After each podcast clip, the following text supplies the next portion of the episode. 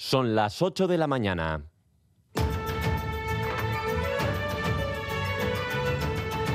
Crónica de Euskadi.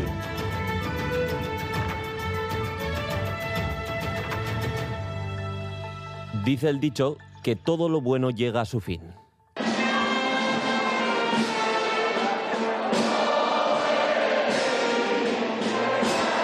En una abarrotada plaza del ayuntamiento, como manda la tradición, con el pañuelico al aire, las velas y entonando el pobre de mí. Así acaban los Sanfermines de este año 2023.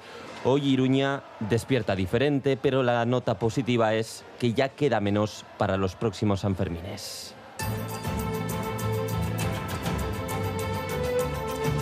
¿Qué tal están Egunon? Iruña se despide de sus Sanfermines. Las próximas serán Bayona y Vitoria-Gasteiz y luego quedan Donostia y Bilbao. Aún queda verano para quemar los cartuchos festivos.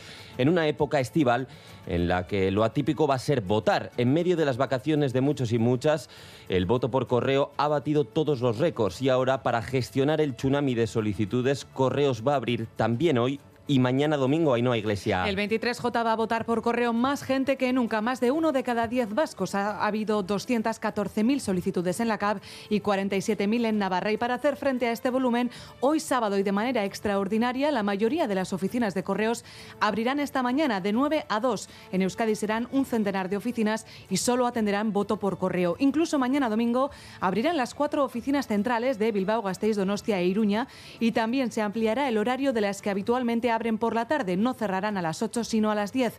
Todo hasta el próximo jueves 20 de julio, último día para depositar el voto. La campaña electoral que encara su último fin de semana y lo hace con el eco del mundo de la cultura ante la oleada de cancelaciones y censura que están viviendo muchos artistas en el Estado español. Mensaje del director de Cinema al Día, José Luis Rebordinos, que se salía del guion ayer en Madrid en el anuncio de las películas españolas que se proyectarán en el Festival Donostierra. Rebordinos llamaba a no callar ante el fascismo como ciudadanas y ciudadanos libres y responsables, desde el respeto más absoluto a la forma más conservadora y a la más progresista de entender el mundo. Tenemos la obligación, nosotros, de no permanecer callados desde el mundo de la cultura y del cine ante esta irrupción de la extrema derecha en nuestras vidas democráticas, porque pensamos que nuestro silencio de hoy nos puede hacer cómplices de lo que pueda ocurrir mañana.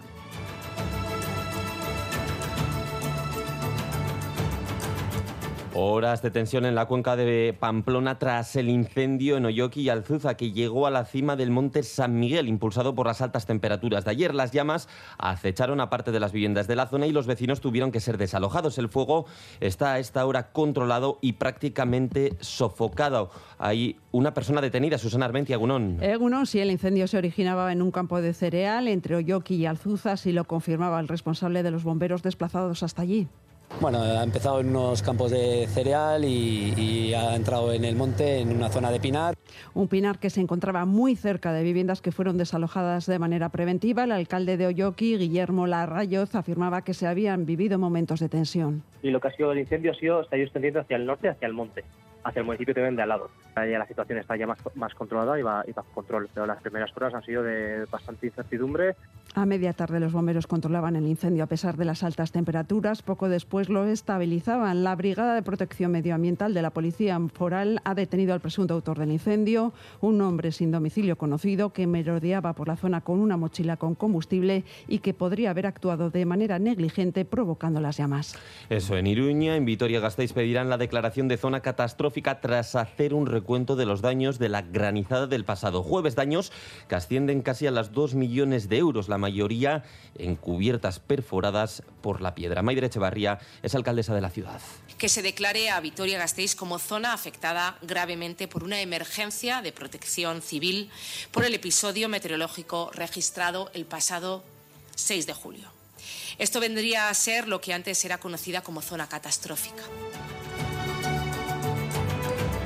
Y en deportes hoy sigue el Tour, hay pelota también remo y destaca Osasuna que ya ha presentado recurso ante el TAS. John Subieta, Egunon. Eh, Egunon, comenzamos hablando de Osasuna que como decías ha presentado su recurso al TAS, Tribunal de Arbitraje Deportivo, para poder participar en la Conference League según apunta Noticias de Navarra. En cuanto al Tour de Francia, hoy se disputará la decimocuarta etapa entre Anemas y Morsin Les Sports de Soleil de perfil muy montañoso que puede marcar diferencias. Ayer el triunfo correspondió al polaco Kwiatkowski de Lineos, Pogachar rascó unos pocos segundos a Vingegaard. 8. En pelota, Altuna y Rezusta se hicieron con el triunfo en la final del torneo de San Fermín ante Larrazábal y Mariez Currena por 22-11. En remo tenemos doble cita este fin de semana, primero en Bilbao, en Contrarreloj y mañana Orio como escenarios. En cuanto al fútbol, otra vez volvemos para decir que el Atlético ha cruzado el charco para disputar dos encuentros, el primero mañana ante el Chivas de Guadalajara y cuatro días más tarde se enfrentará a Casa. La expedición ya está en México. Y por su parte la Real entrena puerta abierta en el Real Atena a partir de las 11. También en cuanto a la vez destacar que Joaquín Panicelli fue intervenido ayer de una rotura de ligamento cruzado de su rodilla izquierda.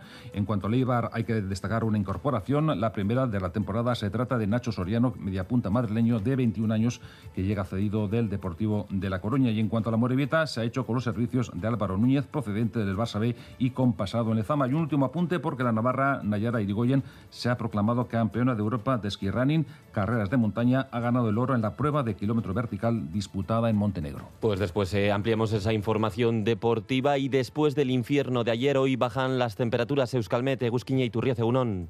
Egunon, durante las próximas horas se irá nublando, primero en la vertiente cantábrica y por la tarde también en la mitad sur, porque nos ha llegado un frente. Este frente también nos dejará algo de lluvia en la vertiente cantábrica, pero poco y sobre todo durante la mañana. Por la tarde seguramente no lloverá, pero la nubosidad será abundante. Soplará el viento del noroeste, por la tarde se irá intensificando y esperamos un descenso acusado de las temperaturas. Hoy las máximas quedarán por debajo de los 25 grados, por tanto en algunas zonas por la tarde tendremos unos 10 grados menos que ayer. Resumiendo, se irá nublando, descenderá mucho la temperatura respecto a ayer y lloverá un poco, pero poco, sobre todo en la mitad norte. En cuanto a las temperaturas en nuestras capitales, hasta ahora tenemos 15 eh, grados en Vitoria-Gasteiz, 17 grados marca el termómetro en Iruña, 19 en Bilbao y 20 grados en Donostia y Bayona en carreteras y ciencias destacables. A esta hora de la mañana, en el control técnico, Joseba Urruela y Aitor Balaga. Comenzamos.